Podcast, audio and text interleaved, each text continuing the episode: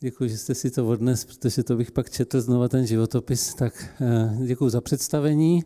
Mám na sobě, mám tady zvoneček, klíče, protože 21. srpna a 21. srpna si připomínáme výročí vpádu eh, těch okupačních vojsk na naše území v roce 1968. Já jsem v té době byl ten den dokonce, nebo večer předtím, tak jsem byl s maminkou v Praze na, navštívit takové přísnější tety a měli jsme jet za jednou hodnou tetou, která byla v Prosečnici a bylo to na opačnou stranu, než byly Pardubice. A já jsem si tam lehl na zem na nádraží a začal jsem bouchat ručičkama, nožičkama do země ve čtyřech letech a odmítl jsem cestovat dál. Maminka byla naštvaná, v zimě měla lístky, jeli jsme potom osobním vlakem zpátky do Pardubic, přijeli jsme těsně před půlnocí, než vpadly teda ty vojska do Pardubic také a pak rozstříleli tam také nějaké budovy a tak. Takže eh, maminka mě dokonce vláčela pěšky až domů, že už nejel žádný trolejbus, takže jsem plakal a ráno plakala ona radostí, že jsem jí vlastně donutil tady tou hysterickou scénou se vrátit za svými dalšími třemi dětmi a manželem do Pardubic, protože by byla dva týdny odřezaná a nemohla by se vlastně vrátit, protože doprava nejezdila v době, kdy vlastně tady ty sovětská, maďarská a polská vojska nám tady ukazovali tu správnou cestu k socialismu. Takže zvoním na památku, proto mám taky tady ten červený hadr, abyste věděli, eh, proč to tady je, protože jednak je to šátek přátelství, aspoň tak mě to řekl můj arabský přítel, když odjížděl v roce 81, eh, utíkal před Sadamem Husajnem ještě, který tehdy žil a e, ty je červený, protože zbrocený krví těch, kteří v tom 68. roce položili život za naši svobodu anebo za své názory, abyste se nebáli, protože Ježíš taky položil svůj život a krev prolil za naši svobodu e, trošku jiným způsobem a vtiskl nám do srdce každému důležitou věc a to je vlastně to vnímání, které každý máme a o tom bude dnešní povídání. Tak proto o tom začínám tak eh, jak chodit bez omrzení, eh, to je vlastně, to se dovíme na konci, aspoň doufím, doufám, a eh, jinak vůbec jako, jak si někoho najít, s kým chodit, že jo? protože člověk by rád s někým chodil, že? A oni úplně se takhle na ulici se neskládají jak kola nebo koloběžky teďka moderně, že byste si přišli a aplikaci byste si pípli, nasedli byste a jeli byste a měli byste dokonalé manželství, bylo by to skvělé, ještě by vám to ukázalo červenou nebo zelenou, jestli byl očkovaný nebo ne a podobně. Takže to bohužel tak není, ale my máme takovýhle, takovouhle aplikaci uvnitř sebe. Bůh nám ji dal dovnitř do našeho srdce a můžeme velice snadno ji používat, akorát, že ji používáme většinou, až když se rozvádíme, pak už máme najednou jasno. V té chvíli, kdy jsme zamilovaní nebo toužíme být zamilovaní, tak máme představy. To je věc, kterou máme dobře proskoumávat a na to máme ten vnitřní zrak, ale i ten zrak, který máme normálně, ty dvě bulvy, které se nám nemění, celý život je máme stejně velký. Nevím, jak je to možné, ale někde jsem to četl, že prý od narození máme stejně veliký oči až do své smrti, ty, ty kuličky, co tam máme, co skrze, skrze ně koukáme. Takže je máme používat. Máme používat tím, že si vybereme samozřejmě někoho, kdo se nám na pohled líbí, že asi těžko si vyberete schválně někoho hnusného, abyste splnili třeba nějaké pokání za to, že jste napsali špatně písemku z matiky nebo z dějepisu nebo zeměpisu, takže byste se potrestali, že budete týden chodit s tím nejhnusnějším kamarádem, který tam v té třídě je a tím mu pocit, on bude mít pocit štěstí, jo, ale vy budete prostě chodit jako úplně vyřízený, vyřízená. Takže tak to samozřejmě nechodí. Jo. Teď, eh, jako kde je brát, tak eh, prosím vás, když si vybíráte partnera na celý život, tak si ho nevybíráme tam, kde sami se třeba úplně necítíme. Pokud milujete bary, hospody, noční kluby, tak samozřejmě asi si budete hledat partnera tam, protože zase budete tam s ním chtít chodit. Že jo?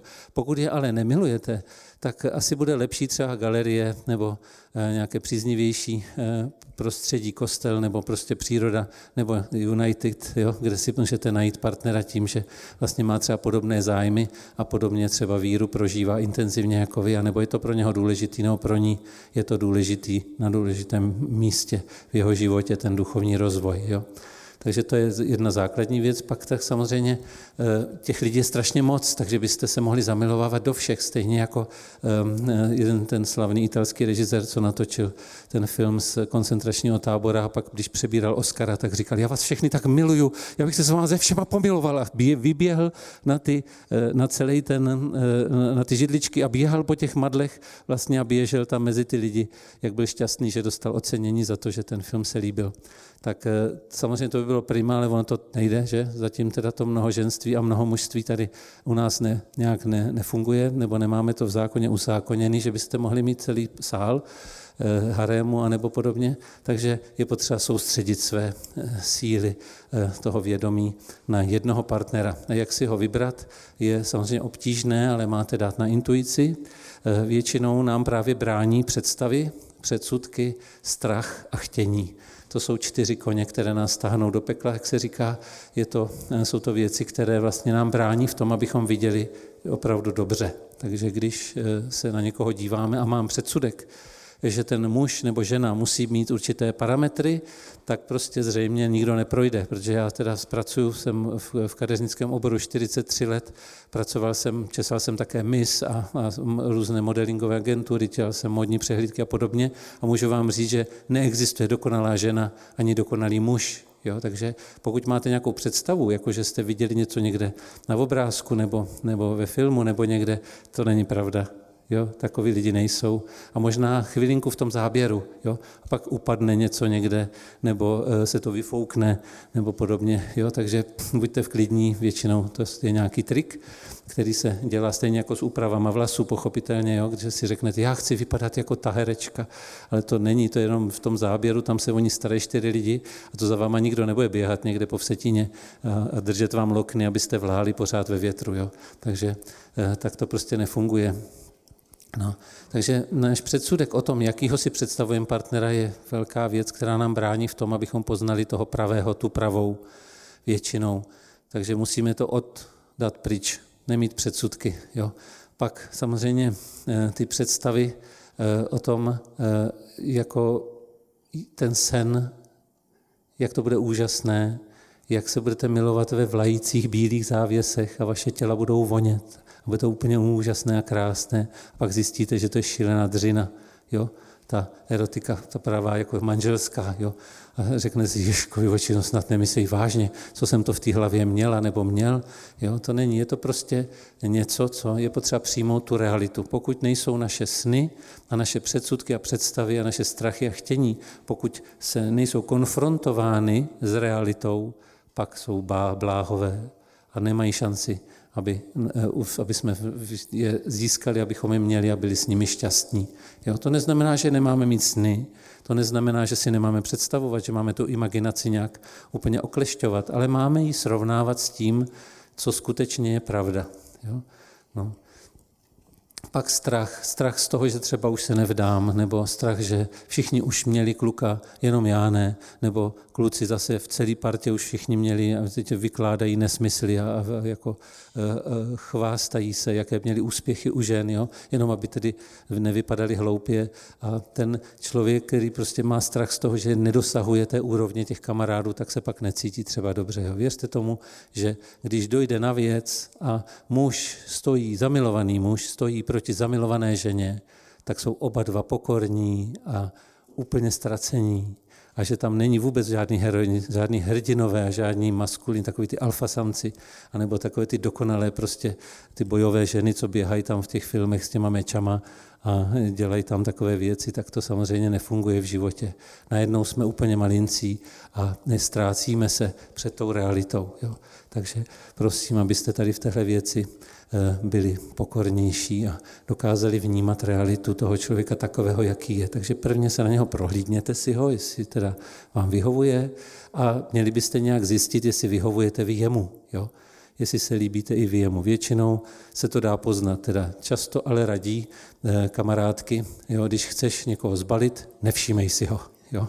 Dělej, že tě vůbec nezajímá, jo. Nebo naopak, jako můžeš taky, jo. Když chceš nějakou holku zbalit, dělej, že tě vůbec nezajímá, vůbec jí nevšímej, jo. A ona si bude ptát, proč takovou nádheru nikdo jako neobdivuje, jo. Ne, tak normálně to dejte najevo, jo. Protože když to má být opravdu láska, ta vaše životní láska, tak to bude upřímná láska, to nebude jenom nějaký takový, takovýhle blud, který vám někdo nakecá. Takže normálně prostě to klidně dejte najevo, buďte pav a prostě udělejte to jako že jste z toho hotoví.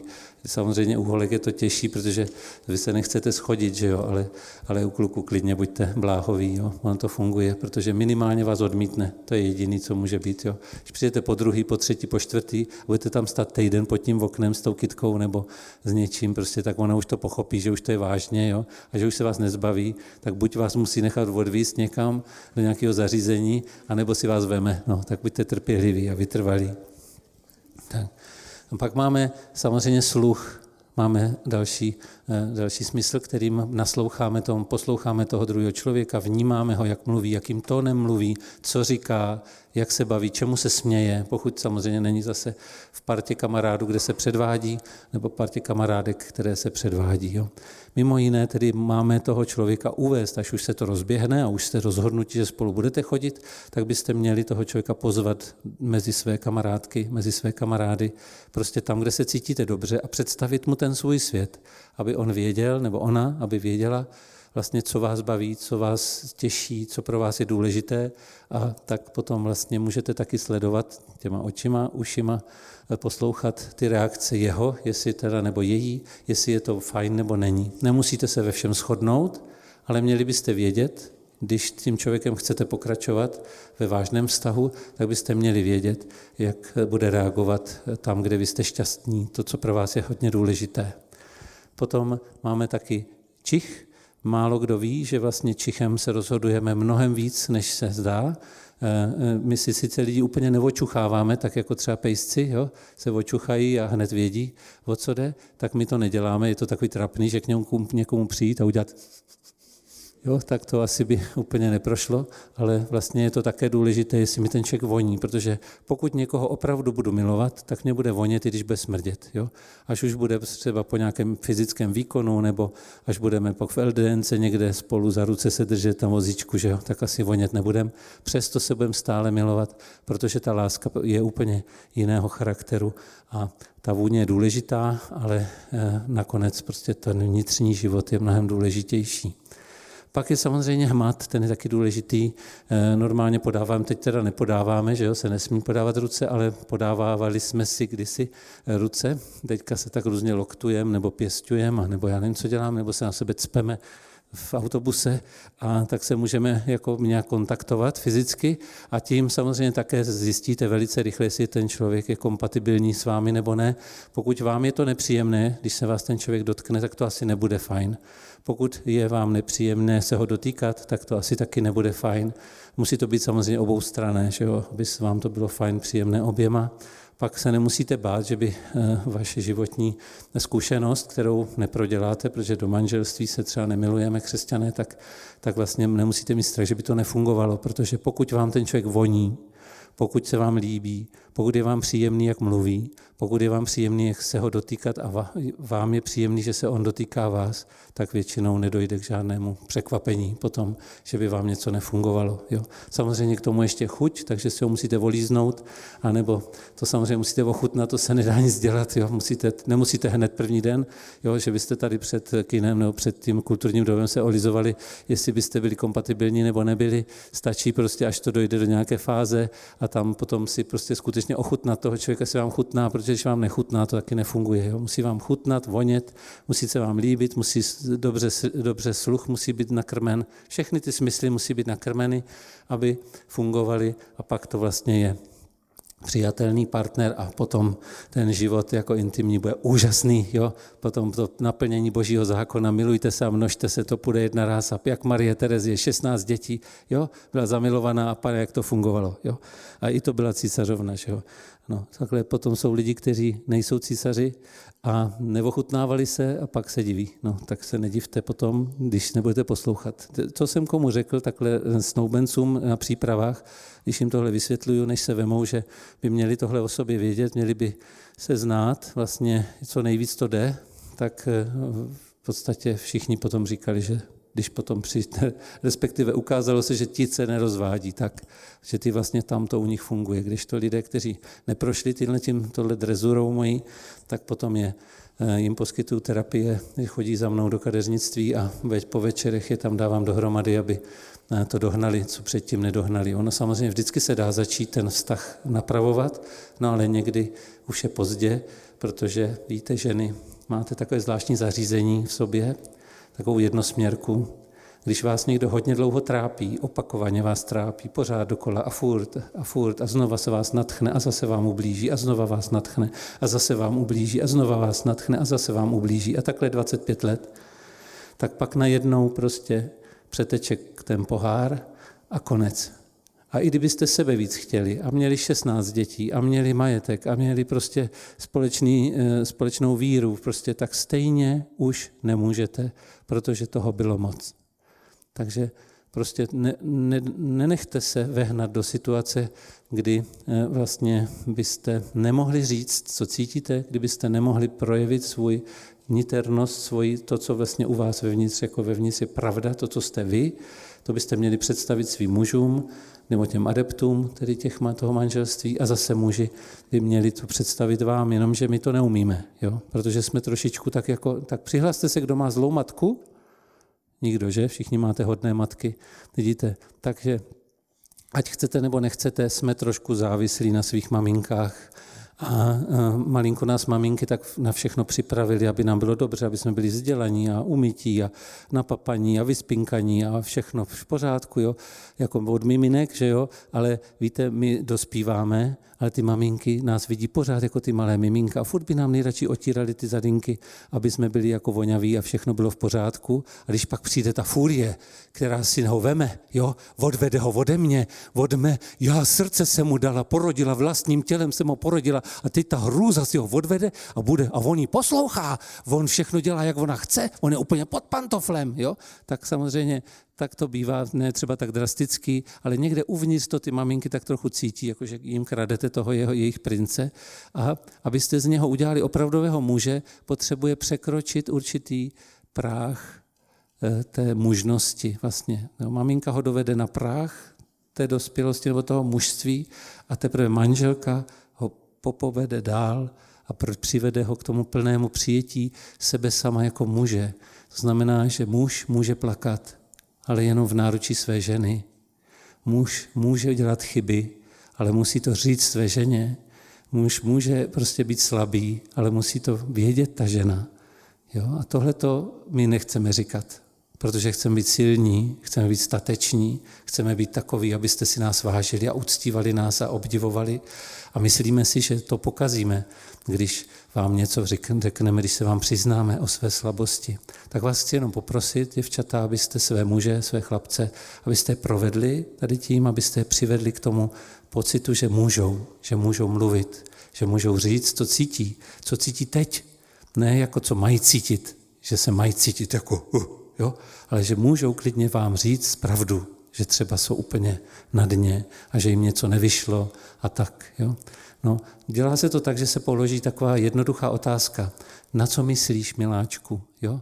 Je to otázka na zabití, pravda? Eh, zvlášť, se pokládá hodně často. A jestli jste viděli vratné láhve, jak tam je taková ta zeď, kde jsou ty tři fleky, tak někdy ty muži pak takhle tlučeme hlavou do zdi, protože nechápeme, co po nás chcete, ale my to jednou pochopíme a pak promluvíme. A až promluvíme a začneme říkat a odhalovat vám svůj vlastní svět, jak vlastně skutečně prožíváme své úzkosti a své, eh, své sny, tak potom vlastně teprve přijde ten konečně výsledek toho vašeho snažení, takže vás budeme nosit na rukách a budete mít modré z nebe. Jo? To je prostě sen každé ženy, i když si to možná nepřiznáváte a možná, že byste si řekli, ne, ne, já se klidně budu nosit sama. Jo? Nebo já si to zařídím, já si svoje modré nebe ustřihnu, to já nepotřebuji někoho, aby mě ho nosil. Jo? Tak nevím, jestli jste úplně připraveni na vztah, jo? protože normální vztah je o tom, že muž má tu ženu milovat, jako Kristus miluje svou církev a žena má eh, toho manžela obdivovat a chválit, tak jako církev chválí svého pána. Tak vypadá to tak jako zboštěně, že jo? jo? Ale jinak to prostě není. Bůh se vtělil do člověka. Neudělal nějaký eh, jako kotrmelec. Jo? Když se narodil jako malé dítě, tak nehopl hned na kříž, aby jako si to urychlil a e, z lásky k Marii a k Josefovi, takže by vlastně to zjednodušil, aby nemuseli se s ním vláčet do Egypta, pak z Egypta do Nazareta, pak v Nazaretě. A ty, víte, co hader mu museli nakupovat a jídla, co museli nasachánět, jo, aby on byl spokojený, saturovaný. To byl Mesiáš, víte, to není žádná sranda vychovat Mesiáše, to je zodpovědný úkol. Jo? A teď vlastně, co to muselo stát, jako úsilí a, a péče a strachu a já nevím čeho všeho, mohl to zjednodušit, že a bylo by to hned, že jo? kdyby tam v tom Betlémě to vyřídil s tím Herodem, tak to mohlo být vyřízený. A nebylo proč? Protože bylo potřeba, aby nám ukázal celý život. Od malého dítěte přes dospívání, přes dospělost, přes eh, vlastně už jako mužství, převzetí mužské zodpovědnosti, kdy se musel začít starat o Marii, když Josef zemřel. Potom vlastně eh, se rozhodl tedy, nebo byl vyslán Bohem, se rozhodl plnit ten úkol a z celou dobu dělal furt jednu věc až do posledního konce dělal furt jednu věc. Byl otevřený. Nic víc. Otevřený novosti. Každé chvíli, která přicházela, byl otevřený. Víte, eh, když se bavíme o hříchu, tak většinou řekneme, to je těžký hřích, nebo lehký hřích, nebo to je hřích, to není hřích, jo? Ale lež je hřích? Je, že jo? Ale když budu tady stát a pode mnou bude schováno deset židů někde v podzemí a přijde sem nějaká fašistická, nacistická posádka, bude chtít říct, jestli tam jsou nebo nejsou, tak mám říct, že tam jsou, protože mám říct pravdu? Mám je nechat zabít? Budu mít pak svědomí čistší, že jsem nechal zabít deset lidí nevinných? Nebo mám říct, ne, tady nikdo není, kde by tady se vzali, prosím vás, židi, tady pod podlahou, vůbec ne, tady nikdo není, jo anebo křičet, jak ta nějaká paní, která se tohle zažila, tak prostě dostala tak hysterický základ, říká, tady jsou, tady jsou, tady jsou, tady jsou, všude tady jsou. Jo, a oni utekli, protože si řekli, bláznivá baba hysterická, tak odešli a vlastně dětím zachránila, že se takhle zešílela a pomohla jim. Jo. Ale prostě přesně to je o tom, jo, že vlastně co, být otevřený té, tomu řešení té situace. Pokud pomůžu deseti lidem zachránit život, pak ta lež je milosrdná nebo dovolená mohu to prostě udělat. Jo?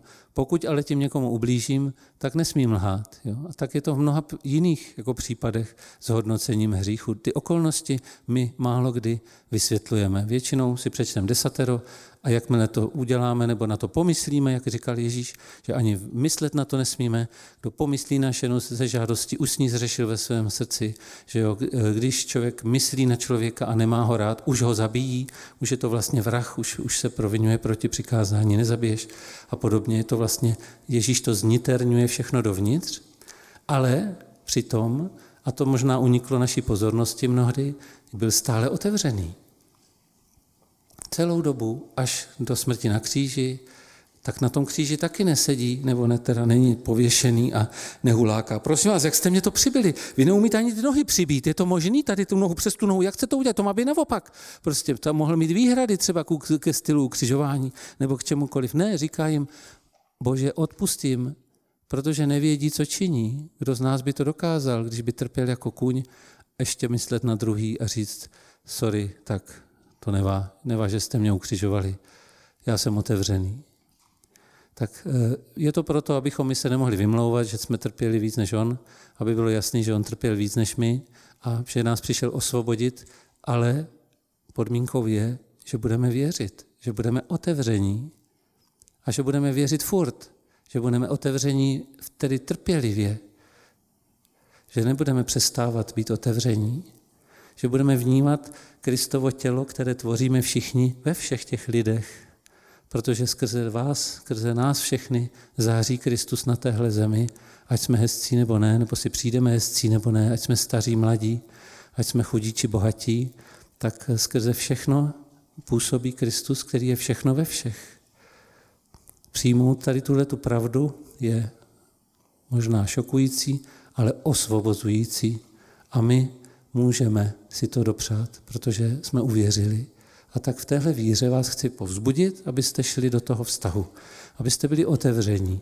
Ne tedy, eh, abyste vypli mozek při té otevřenosti, abyste dokázali používat všechny své smysly, své oči, svůj nos, svoje ústa, jazyk, svoje uši, svoje ruce, prostě všechno, co máte, abyste dokázali jaksi poznat, rozpoznat v tom druhém to, co s vámi harmonuje a dokázali mu představit svůj svět. Abyste to dokázali vysvětlit, to mluvit o tom a e, uvést toho člověka do svých tajemství, do svého života. Protože většina žen, víte, e, si představuje, jakého by chtěla manžela, ale když potom přijdou na terapii, když se něco pokazí, tak většinou říká, on mě vůbec neposlouchá, on mě vůbec nevnímá, on vůbec jako neví, že jsem, jako jo. Ale tohle na začátku nikdo neřešil. Tohle nikdo na začátku jako nikomu neřekl, že se má jako dělat, že se to má vlastně pomoct tomu chlapovi, který je rozmazlený od té matky, která za to nemůže, protože každá matka své dítě porodila a má tu pupeční šňůru. Navždy to prostě nezmizí. Pupeční šňůru stříhají synové a dcery svým maminkám a ti se musí oddělit od nich a připojit se ke svému manželovi a manželce a stvořit tak nové, nové bytí, novou jednotu, nové tělo, novou bytost, jaksi společnou ve dvou tělech. Jo, což je nepochopitelné, ale Bůh to tak říká, že budeme jedno, takže to musí fungovat, když to říká.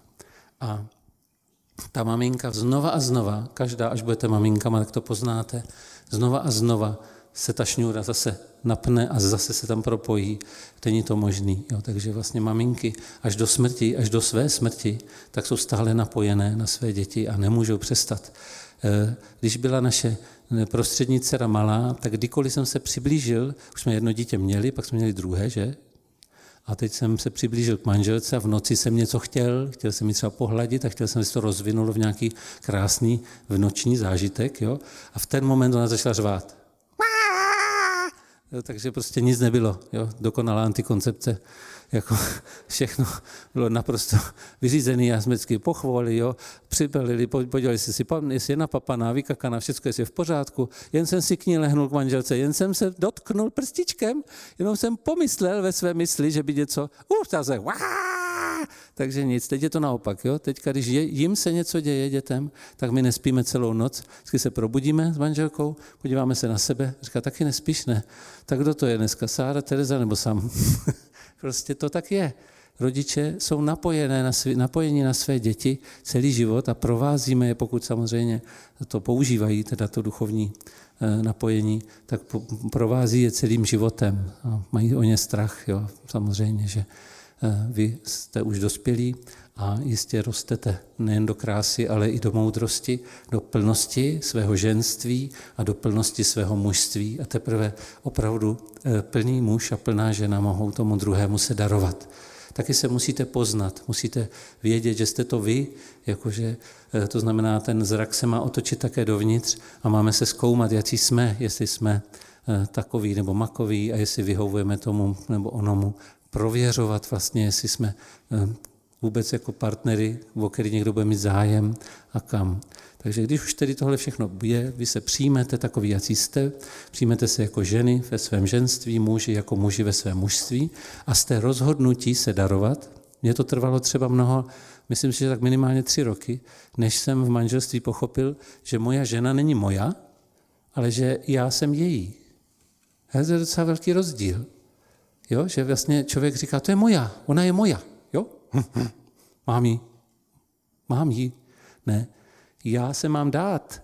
A to je úplně jiná, jiná jako poloha. V momentě, kdy já se daruju, tak nemáte ani čas myslet na to, jestli je vaša nebo není, protože toho máte tolik, co musíte udělat, abyste se dobře darovali, že vlastně eh, nemáte vůbec pomyšlení na to, myslet na to, že to je vaše, jak se říká dneska, stará nebo váš starý. Jo? Jo? Přitom to není pravda.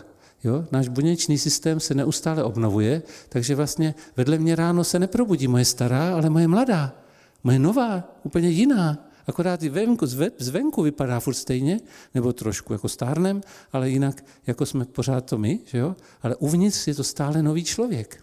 Bůh je tak neuvěřitelný, že nám neustále mění, jako ty buňky se pořád obnovují. Miliony, nejenom jako, že jedna třeba. To strašně moc toho je. Takže tohle my nevnímáme, protože to ne, ne, necítíme, že jo? pokud teda neproděláte covid a nesníží se vám dýchací schopnosti o 30% jako mě, takže pak nemůžete dýchat, tak pak hned pochopíte, jak je dobré, když se ty buňky obnovují aspoň někde. A tak vám přeju, aby se obnovovali, abyste to vnímali. A vnímat se to dá, když se člověk modlí. Když se člověk modlí a stichne, stichne prostě v boží přítomnosti, tak v tu chvíli najednou jsme skutečně spojeni celým Kristovým tělem, s celou přírodou, dokonce nejen ze Vsetíně, jo, ale s celou republikou, co s celou republikou, jsou země koulí, co s celou země koulí, s celým vesmírem. Jo? Když se v noci podíváte na hvězdy, tak jste součástí nebo nejste? Říkáte, že to je daleko, nebo to je krása, a podobně, jo, ale že jsme vlastně stvoření ze stejných prvků, jako je celý vesmír, jenomže dýcháme a tluče nám srdce, stejně jako se vesmír rozpíná a zase smršťuje, Stejně tak se rozpíná, smršťuje naše srdce, které rozhání krev po celém těle, naše plíce, které nás vlastně udržují na, na živu a, a může máme okysličený mozek a můžeme tady na sebe koukat těma bulvama, který se nemění od, od narození a poslouchat ušima, které sice asi ztratíme ten sluch postupně a možná i všechno ostatní, že pak už si ani nebudeme pamatovat, že jsme někdy ve Vsetině byli, ale každopádně ten, tak kousek toho věku, kdy si to pamatujeme a kdy jsme schopni to vnímat, tak si máme užívat vědomně.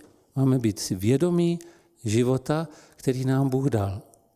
A pokud tohle děláme, pak nemůžete se splíst, protože poznáte, jestli ten člověk rezonuje s vámi nebo nerezonuje. Jestli ten muž, kterého potkáte, jestli to vibruje stejně nebo ne. Nebo možná je lepší říct, jestli ten tanec při které musí oba dva partneři někdy ustoupit a někdy zase udělat krok dopředu, kdy se musí propojit a tančit na určitý, na, na určitý rytmus hudební, tak kdy se musí sladit. A když tohle nefunguje, tak to nebude ten pravý. No pak je potřeba říct ne, pak je potřeba říct, tohle nefunguje. A někdy je to těžké, protože už jste spolu daleko, už spolu chodíte třeba delší dobu, někdy se říká, že ten vztah je přechozený. Není to pravda, jenom se nedělalo, co se dělat mělo. Pokud se vztah, vztah přechodí, tak to, není, to, to nebyli lidi pro sebe. Pokud eh, chodíte spolu dlouho, tak se nenudíte, protože pořád objevujete nové věci. Já jsem s manželkou 34 let a každý den se na ní koukám, říkám si, panenko, skako, je tohle možný? Ona je zase úplně jiná. Co zase vymyslí ještě novýho za úkol pro mě, abych zase něco pěkného vymyslel a urobil a tak. Jo?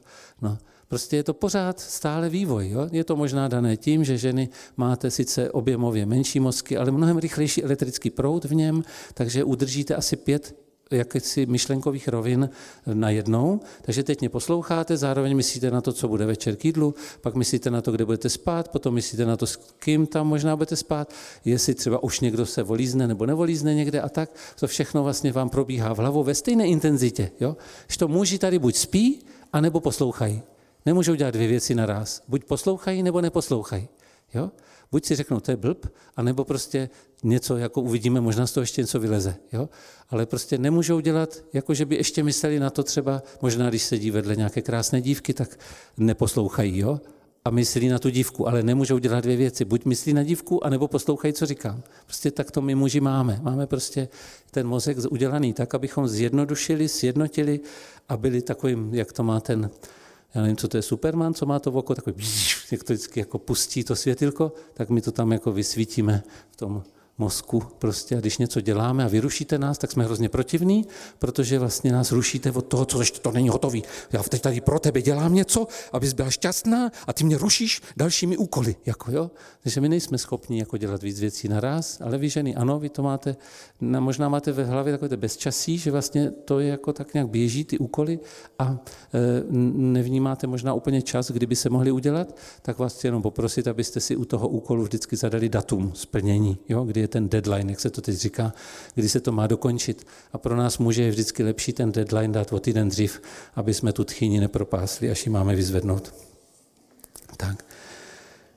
tak, jak se máme rozejít, když to nefunguje. Když spolu chodíte a nějak to třeba nefunguje, tak, nebo poznáte, že to není ten pravý nebo není ta pravá, tak prostě je potřeba to říct. Říct to tak, aby to ten člověk pochopil. Často to bývá u mužů, že nám to řeknete a my to jako si říkáme, jo, to, to nemyslí vážně. To, a zítra znova jdeme znova a pozítří znova.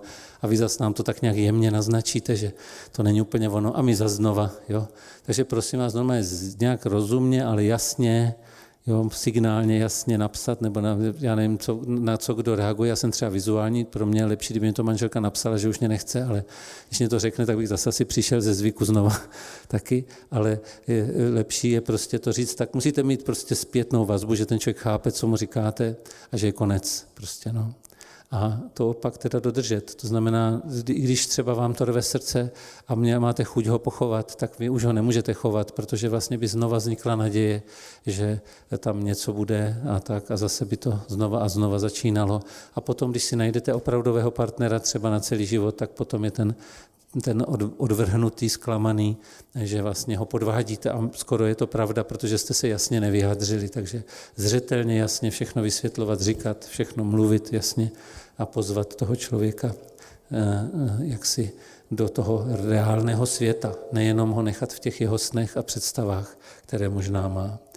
Jak přestat milovat, to už je horší. Pokud jste opuštění, jakože vás opustí ten člověk nebo odvrhne a řekne, že ne, tak to je mnohem horší, protože vlastně vy milujete naplno a vůbec nechápete, proč ten člověk se otočil a proč vás nemiluje najednou. Jo? Já jsem měl jedno děvče v učení, eh, se mnou tam nikdo nechtěl chodit na kadeřnickém učňáku, protože jim to bylo trapný, že budou chodit s tím klukem z toho Bčka nebo záčka nebo něco. Takže se mnou jako z kadeřnického oboru nikdo nechodil, ale jedna kosmetička se asi spletla nějak nebo prostě nevěděla, nebo já nevím, nebo nebyla v těch drbech nějak jako zběhla. Takže ta se mnou asi měsíc chodila, pak byly prázdniny, pak jsme se vrátili, já jsem v září myslel, že mám děvče a ona mě oznámila, že protože nějaký inženýr zbalil, eh, co tam studoval na inženýra ve vedlejší škole, takže to bude lepší jako Rito, že to bude jako lepší partnerský, takže mě jako opouští. Jo. A že mě miluje, ale že si nemůže pomoct. Jo. Takže tak, tak to jsem byl takový vykulený, takže můžu říct, že to jsem teda docela dlouho rozcházel, ale ne, víte, když člověk miluje, tak eh, Bůh je láska a kdykoliv jsme zranění v téhle oblasti, tak vždycky můžeme k té maximální lásce, eh, tedy Bohu, se přiklonit. Takže člověk, když se stiší, eh, vstoupí do vztahu té boží přítomnosti a je s Bohem, tak ho Bůh utiší a dá mu vždycky to, co potřebuje. Tak se toho nebojte, nebuďte odvážní, jděte do takových eh, věcí a když se něco nepodaří, nebojte se, protože Bůh vás nikdy neopouští, vždycky vás vede. Možná klikatými cestami, možná, že se to zdá, že to je úplně popletený a že takhle to ještě nikdo neměl jako vy, ale ten cíl je, je váš plný a šťastný život v něm. A toho se nemusíte nikdy bát, že by tohle nebyla pravda. To můžu potvrdit každou vteřinou svého života, že to tak je, i když jsem prožil mnoho pádů a musel jsem znova vstávat. A, a přesto to vždycky takhle bylo. Jakmile jsem stichl a zůstal jsem v boží blízkosti, tak Bůh vždycky mě dal stejný pocit síly a své lásky, tak jako na začátku.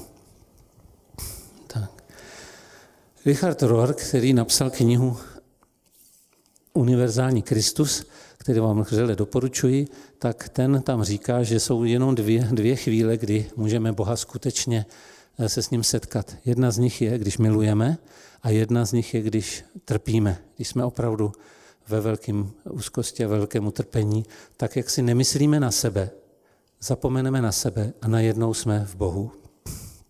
Ale tuhle tu věc my si můžeme vyvolat uměle tím, že vstupujeme do boží blízkosti, že prostě přestaneme myslet na sebe a dovolíme Bohu, aby uchvátil srdce, které dávno vytvořil. A když tohle budeme dělat i se svou partnerkou, se svým partnerem, tak vlastně to poznáte. Za prvé, že to je ten pravý, za druhé, co s ním máte dělat, že se nebudete nudit po celé chození, jo, že nemusíte prostě spolu spat hned, jak se prvně potkáte, abyste nebyli za blbku, že prostě všechny kamarádky to tak dělali, jo, nebo známí to tak dělali, nebo je to ve světě normální, jo, protože to nejcennější, co můžete tomu druhému partnerovi předat, je vaše niternost, kterou se, proto se to odkládá až po svatbě, kdy je ten člověk zodpovědně rozhodnutý, že s vámi bude trávit celý život a že vás bude nosit na rukách, aspoň teoreticky, než na to přijde, jak to je těžký a než se prověří jeho kvality doopravdy. Nicméně je to něco, to splynutí intimní je tak vzácné a tak hluboce poznamenává naši psychologii, naše srdce, naše těla a vnášíme si toho člověka si do sebe a neseme si ho celý život. Nikdy partner, s kterým se vyspíte, nikdy z vašeho těla nezmizí jakoby infikoval celým svým životem sebe a vy zase jeho, je to propojení mnohem hlubší, eh, aspoň teď psychologové k tomu docházejí, že to tak je, že to je mnohem hlubší a neseme si toho člověka celým životem. Tak proto je to tak vzácné a proto se to vlastně má dávat, až jsme si jistí, že to je ten pravý, nebo až si oba jsou jistí, že to je ten pravý a že tam ta odezva. No, když se to stane, náhodou nebo nenáhodou, prostě stane se to. A vy pak zjistíte, že to není ten pravý, tak prosím vás, eh, nebuďte 60 let jako nešťastní z toho, že jste udělali jednu věc, kterou jste třeba úplně ne, nepromysleli, ale, nebo několik věcí, které jste nepromysleli, ale prostě ukončete ten vztah a počkejte si na člověka, který skutečně vás bude milovat takovou, jaká jste, takového, jaký jste nebude mít výhrady ani k vašemu nosu, ani k vašim prsou, ani k vašim zadkům, ani k vašim nohám, ani nechtům, ani očím, ani vzdělání, ani tomu, jak rychle pracujete nebo pomalu pracujete, ani k vašemu ochlupení na nohách nebo na nose, nebo já nevím, kde chcete, ani k vaší vadové, eh, zradě, eh, eh, vadě zraku. Jo? Ty, ty jsi musela mít strašně vadou zraku, že jsi nepoznala, že jsem takový, jaký jsem. Že? Pak lidi vyčítají všechno možné. Tak nevyčítejte, nebuďte k sobě hrubí, buďte otevření a eh, věřte, že nejdůležitější je se darovat tomu druhému člověku. Eh, to druhé, když se ten taky daruje, tak pak to funguje. Je to spolupráce. Není to tak, že si vyberete člověka, protože vidíte, že je smutný a nešťastný, nebo smutná a nešťastná, takže prostě ji ponesete a budete jí teda pomáhat a uděláte z ní eh, člověka, který má třeba psychickou nemoc, takže ho uzdravíte tím, že ho budete milovat. Jo? Není to tak. Manželství má být tandem, Oba mají pracovat, oba mají vkládat, oba mají brát. Je to dávání a braní. Tak jako to srdce se hýbe, tak stejně tak má být ten vztah také dávání a braní a vyváženě, jinak to nejde. Když potáhnete to sami, tak vlastně sami padnete, protože to neunesete. Takže eh, a v takovém případě je potřeba se rozejít, protože to prostě nefunguje a nefungovat to nebude. Je to ověřeno mnoha mnoha tedy zkušenostmi s partnerskými vztahy. U církevního soudu 8 let jsem pracoval a teď dělám vlastně rozhovory s těmi páry, které se snaží ještě to nakopnout a znova zvednout. Teď bych se chtěl pomodlit za vaše partnery, aby eh, jste našli ty pravé. Bože, prosím tě, ať tady všichni, kdo tu jsme, eh, já už mám, ale kdo nemá, tak ať najde svého partnera, svou partnerku podle tvého srdce, ať se dokážou vydat jeden druhému a přijmout toho druhého takového, jaký je a neklást tobě, Bože, podmínky. Amen. Jan Špilár, děkujeme.